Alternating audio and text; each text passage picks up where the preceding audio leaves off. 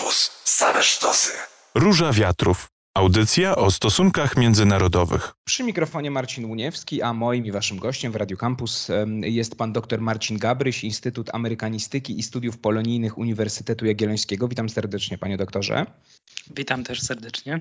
W Kanadzie w ostatnich tygodniach przy byłych szkołach z internatem dla rdzennych dzieci prowadzonych głównie przez Kościół katolicki odnaleziono kilka masowych grobów dzieci. Były w nich pochowane szczątki nawet e, trzyletnich e, trzyletnich dzieci. Te odkrycia wywołały w Kanadzie falę oburzenia. Podpalono kilkanaście kościołów. Na pomniku Jana Pawła II w Edmonton odciśnięto na przykład czerwoną dłonią, e, czerwoną farbą dłonie. No, w Kanadzie powróciła, chociaż ona od kilku lat nie znika, e, debata o tym, jak przez lata traktowano pierwsze narody, jak nazywa się w Kanadzie ludność rdzenną. No, w rządowych raportach pada zresztą słowo ludobójstwo kulturowe albo w ogóle ludobójstwo. Częścią tego ludobójstwa, tego, tego, tego złego traktowania był system szkół z internatem. Właśnie przy tych szkołach odkryto te masowe groby nazywanych szkołami rezydencjalnymi. Pierwsze pojawiły się w drugiej połowie XIX wieku, ostatnią zamknięto dopiero w 1996 roku pierwsze pytanie moje, panie doktorze, w takim razie oczywiście rozwiniemy ten temat y, traktowania rdzennej ludności, ale na początku, na początku cóż to za placówki, te szkoły rezydencjalne, po co one w ogóle powstawały w Kanadzie, cała sieć takich szkół? Szkoły z internetami były pomyślane jako, jako taki sposób na wypełnienie podstawowego celu, czyli asymilację e, ludności rdzennej. Przede wszystkim to dotyczyło pierwszych narodów, czyli tych, e, tej grupy, którą my potocznie jeszcze ciągle nazywamy Indianami. I, I, pomysł był taki, żeby poprzez edukację pozbyć się kultur e, rdzennych, żeby przymusowo dzieci e, w tych placówkach przeszły taką edukację, która, która no miała kompleksowo e, ich ucywilizować. To mówię oczywiście w cudzysłowie, e, ale tak, taką terminologię stosowano wówczas w XIX wieku, gdy ten pomysł powstał. To były placówki, które były mm, finansowane i wymyślone przez władze świeckie, przez władze kanadyjskie. Mm, tak naprawdę pomysł e, był zaczerpnięty jeszcze ze Stanów Zjednoczonych. Pierwsze placówki jeszcze w czasach kolonialnych, przed tym jak Kanada stała się samodzielnym dominium, powstały, no ale właśnie już, już po 1867, gdy Kanada stała się niezależna, ten, ten projekt wcielono e, w pełni. E, natomiast jakby funkcjonowanie tych, tych placówek przekazano kościołom. E, I to był, tak jak pan redaktor wspomina, przede wszystkim Kościół katolicki, który mniej więcej dwie trzecie placówek prowadził, ale również kościoły, Kościół anglikański, Kościół presbyteriański, Kościół metodystyczny, e, a później Zjednoczony Kościół Kanady.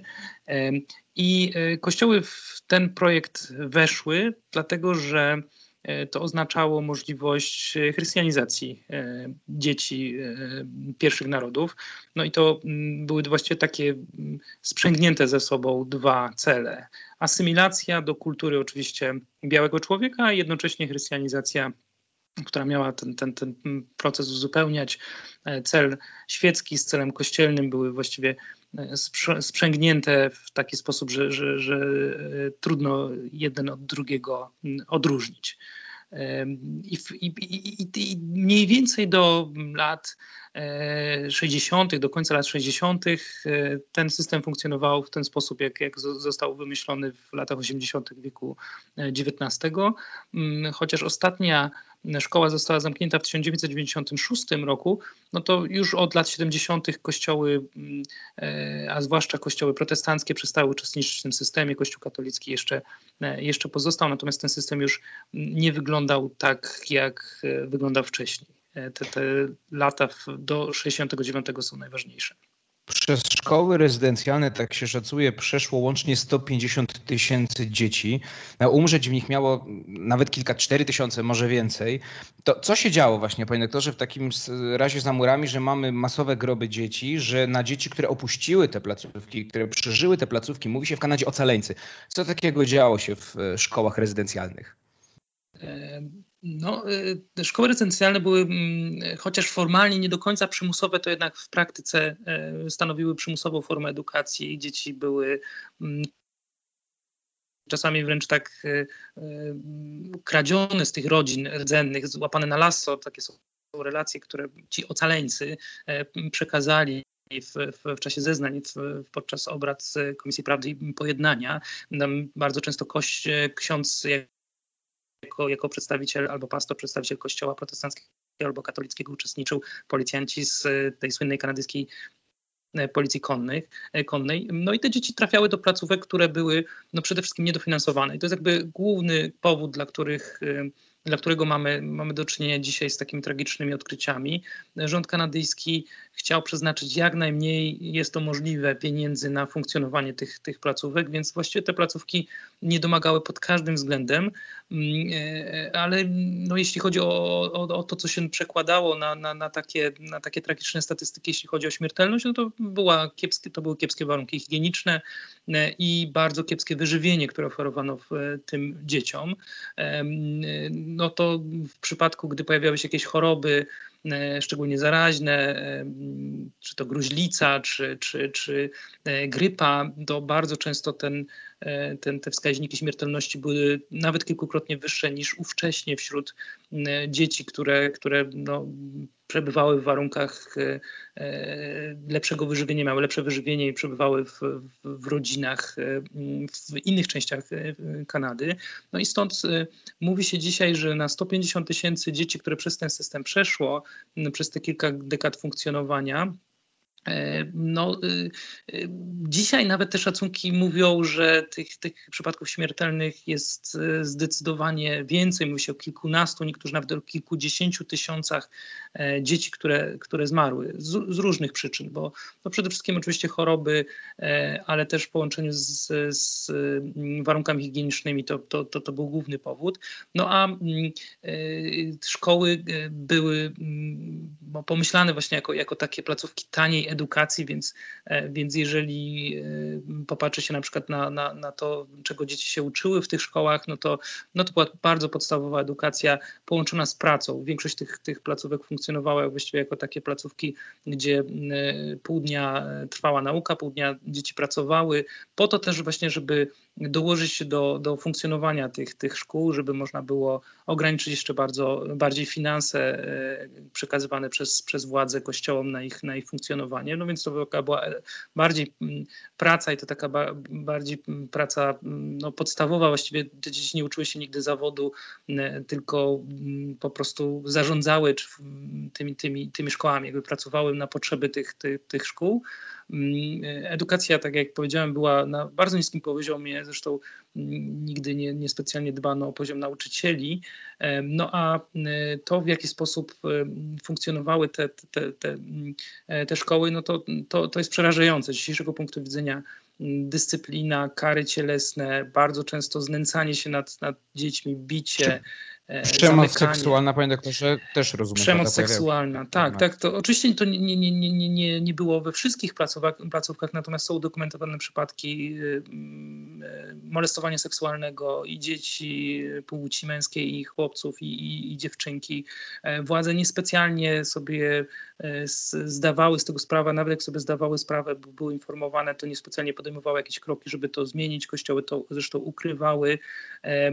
No, to są udokumentowane przypadki, kiedy, kiedy dochodziło do przemocy fizycznej. To wszystko dzisiaj wiemy dos, doskonale.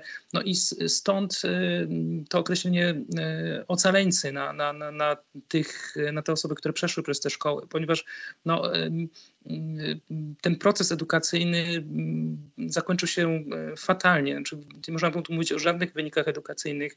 Właściwie te osoby, które kończyły te szkoły, ani nie potrafiły funkcjonować w e, kulturze białej e, Kanady, bo nie zdobywały umiejętności poza jakimiś podstawowymi pisania po angielsku, czytania i, i liczenia jakiegoś podstawowego, ale nic więcej.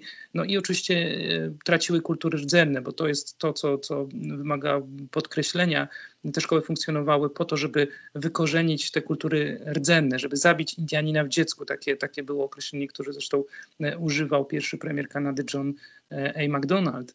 E, no i, i to polegało na tym, że zakazywano mówić w językach rdzennych, odbierano tradycyjne rdzenne ubiory, E, obcinano włosy chłopcom, e, no i, i zakaza, zakazywano wszelkich przejawów właśnie tych kultur, więc no te, te dzieci traciły kulturę swoich rodziców i później jak te szkoły opuszczały, a te szkoły no, zwykle funkcjonowały w ten sposób, że dzieci nie wracały na, na okres przerwy letniej do, E, do swoich miejsca, skąd, skąd je zebrano, bo, bo to było zbyt kosztowne i, e, i państwo kanadyjskie nie chciało za to płacić, no to po tych kilku latach e, właściwie nie były w żadnej kulturze. Znajdowały się pomiędzy kulturami. Bardzo trudno było im się przestawić na, na, na życie poza tymi szkołami. W 2015 roku, panie doktorze, opublikowano raport Komisji Prawdy i Pojednania, w którym wprost rząd Kanady przyznaje się do kulturowego ludobójstwa rdzennych mieszkańców. Cztery lata później kolejny raport, który opisał tragiczną sytuację rdzennych kobiet, które w ciągu ostatnich 30 lat 12 razy częściej niż pozostałe Kanadyjki padało ofiarą zabójstw i zaginięć. E, w tym raporcie też pada słowo ludobójstwo. No, wpływ na tę sytuację miał mieć rasizm i marginalizacja no, zakorzenione niejako w społeczeństwie przez, przez lata. Jak obecnie wygląda sytuacja rdzennych mieszkańców, biorąc pod uwagę te raporty, biorąc pod uwagę to, co pan powiedział, czyli że te dzieci wychodziły z tych szkół no niejako no, z, przetrąconymi życiorysami, tak, czy z no, no, zniszczonym dzieciństwem. E, jak to wygląda? Dodam tylko, że raporty, te rządowe raporty mówią o nieustającym kryzysie, jeśli chodzi o, o sytuację rdzennych e, mieszkańców. No, sytuacja jest, jest e, bardzo ciężka, e, no bo, bo, bo, to tak naprawdę jest e, efekt te, te, tego szkolnictwa, ponieważ te dzieci trafiały do, do, do, do, świata, który już nie był ich, a jednocześnie nie potrafiły sobie poradzić mm, w, w, no, w, takiej, w takiej cywilizacji kanadyjskiej, która funkcjonowała poza tymi społecznościami rdzennymi. No to bardzo często to się kończyło różnymi problemami takimi związanymi na przykład z nadużywaniem alkoholu czy innych substancji psychoaktywnych, y, ale też, też głębszymi zaburzeniami relacji w ogóle między, międzyludzkich. Mm, bardzo często ocaleńcy nie potrafili założyć rodzin, a nawet jak je zakładali y, i mieli dzieci, to nie potrafili tymi dziećmi się opiekować. Więc mamy mm, taką Mm, takie pojęcie, które, które mm, psycholodzy używają tej, tej, tej traumy, traumy międzypokoleniowej, która jest przekazywana z jednego pokolenia na drugie. I nawet jeżeli już nie ma tych mm, szkół e, z internatami funkcjonującymi w Kanadzie, to w dalszym ciągu te problemy są e, no, na porządku dziennym w ramach społeczności rdzennych, właśnie szczególnie e, pierwszych narodów. E, I e, ten raport z 2019 roku, który mówi o sytuacji e, kobiet, przede wszystkim właśnie z pierwszych narodów, przypadkach zabójstw tych kobiet, przypadkach zaginięć i, i kiedy, kiedy właściwie mm, policja nie była w stanie znaleźć miejsca, gdzie, gdzie te kobiety przebywają, to, to, to wszystko jest jakby efekt tego całego systemu przymusowej asymilacji. Kobiety z pierwszych narodów są szczególnie narażone na, na, na, na, na przemoc, przemoc na tle seksualnym. To zresztą wynika nawet z takiego stereotypu funkcjonującego do dzisiaj, e, tej przysłowiowej Pocahontas indiańskiej, która jest obiektem e, seksualnym w kulturze e, białych Amerykanów, ale też Kanadyjczyków.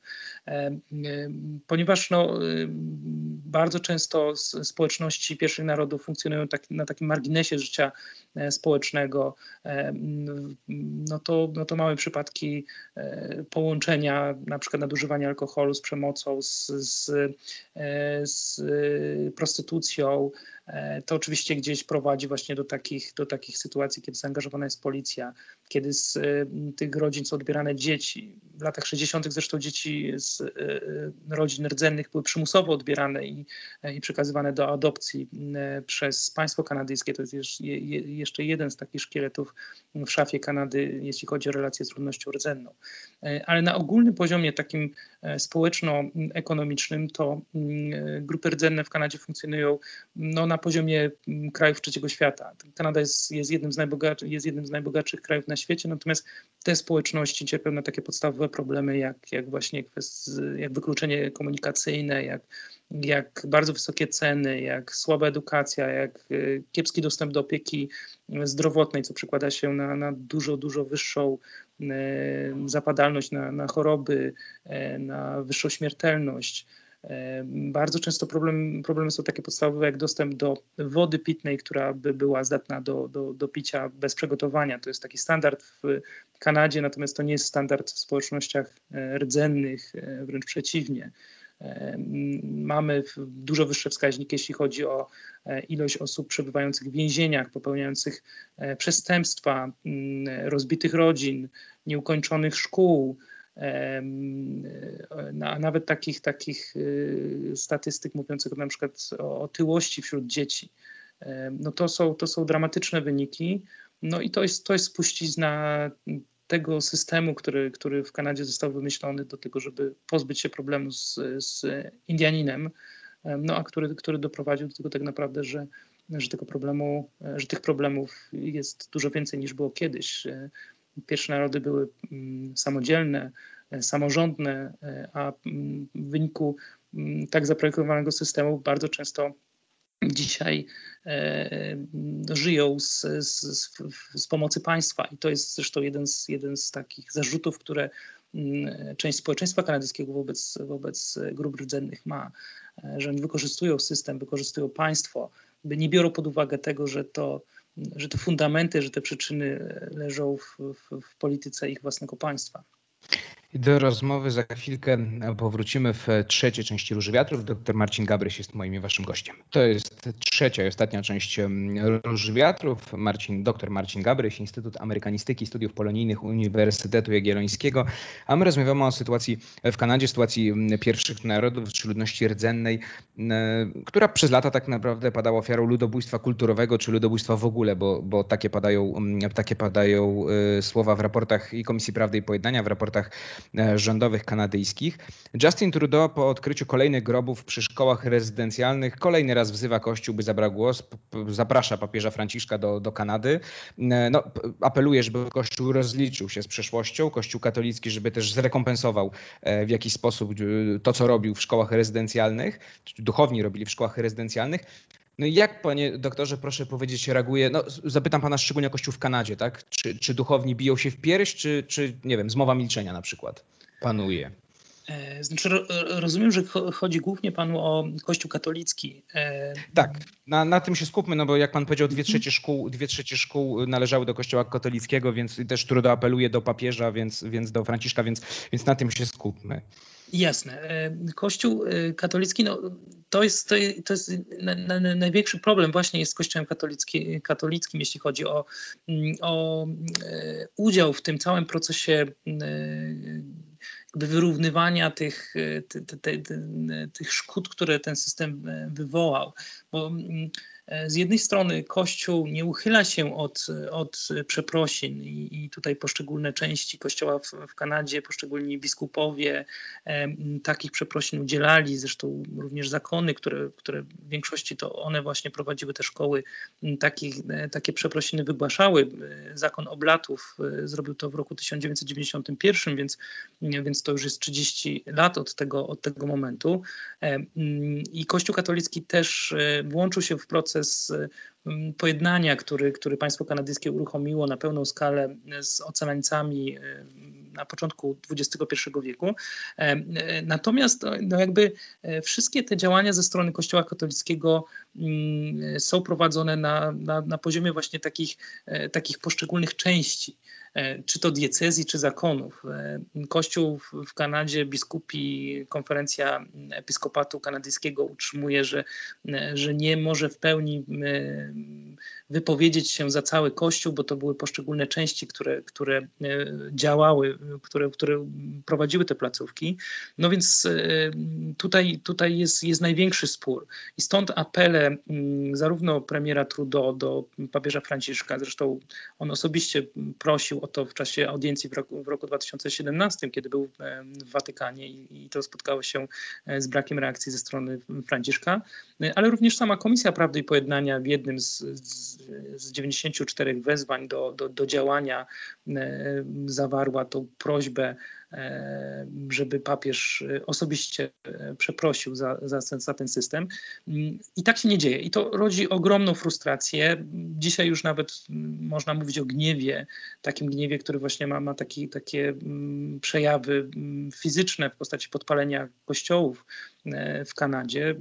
Ocaleńcy są źli na Kościół katolicki, że nie chce w pełni się włączyć, że nawet jego zobowiązania finansowe niewysokie notabene, bo to chodziło o 25 milionów dolarów, które Kościół katolicki obiecał zebrać w Kanadzie na rzecz ocaleńców, zebrał tylko 4 miliony i stwierdził, że więcej nie jest w stanie zebrać i, i, i płacił całkiem dobrym prawnikom za to, żeby ten Kościół wybronili w, w, w, w tym procesie odszkodowawczym, co zresztą się udało. Te wszystkie fakty powoli teraz zaczynają być znane szerszej opinii publicznej w Kanadzie. No i, i te negatywne reakcje wobec Kościoła katolickiego się nasilają. Mamy, mamy publiczne wezwania do bojkotu mszy w niedzielę e, i to nie tylko ze strony e, ludności rdzennej. E, w ramach społeczności rdzennych to jest jeszcze bardziej nasilone. Wystąpienia z Kościoła, w ogóle takie zastanawianie się, czy, czy, czy w ogóle wiara katolicka jest jest to właściwą wiarą, którą, którą ludy rdzenne powinny zachować. Mm, około 40% pierwszych narodów e, e, jest katolikami. No i, i, i, i, wydaje mi się, że jeżeli nie dojdzie do jakiegoś przełomu ze strony Kościoła katolickiego, który najprawdopodobniej boi się odszkodowań finansowych, które, które jeszcze mogą mu grozić w różnych procesach, które, które, które mogą zostać wytoczone, zwłaszcza po tym, jak udałoby się opublikować wszystkie mm, archiwa, które, które mm, Kościół ma, przede wszystkim zakonu blatów, no to, no to może to się za, zakończyć głębokim kryzysem dla Kościoła katolickiego w Kanadzie. Kanadyjczycy... Tu musimy, tu mhm. musimy kropkę, panie doktorze, e, postawić. To nie koniec tej sprawy na pewno, bo tak jak pan mówi, emocje, e, emocje buzują. Tych grobów jest więcej, prawdopodobnie będą kolejne takie ekshumacje e, jeszcze w Kanadzie. Dr Marcin Gabryś, Instytut Amerykanistyki i Studiów Polonijnych Uniwersytetu Jagiellońskiego był moim i waszym gościem. Bardzo dziękuję panie doktorze za rozmowę. Ja również dziękuję. To była Róża Wiatrów, ja się nazywam Marcin Uniewski, a my się słyszymy oczywiście w środę za tydzień. Radio Campus, same sztosy.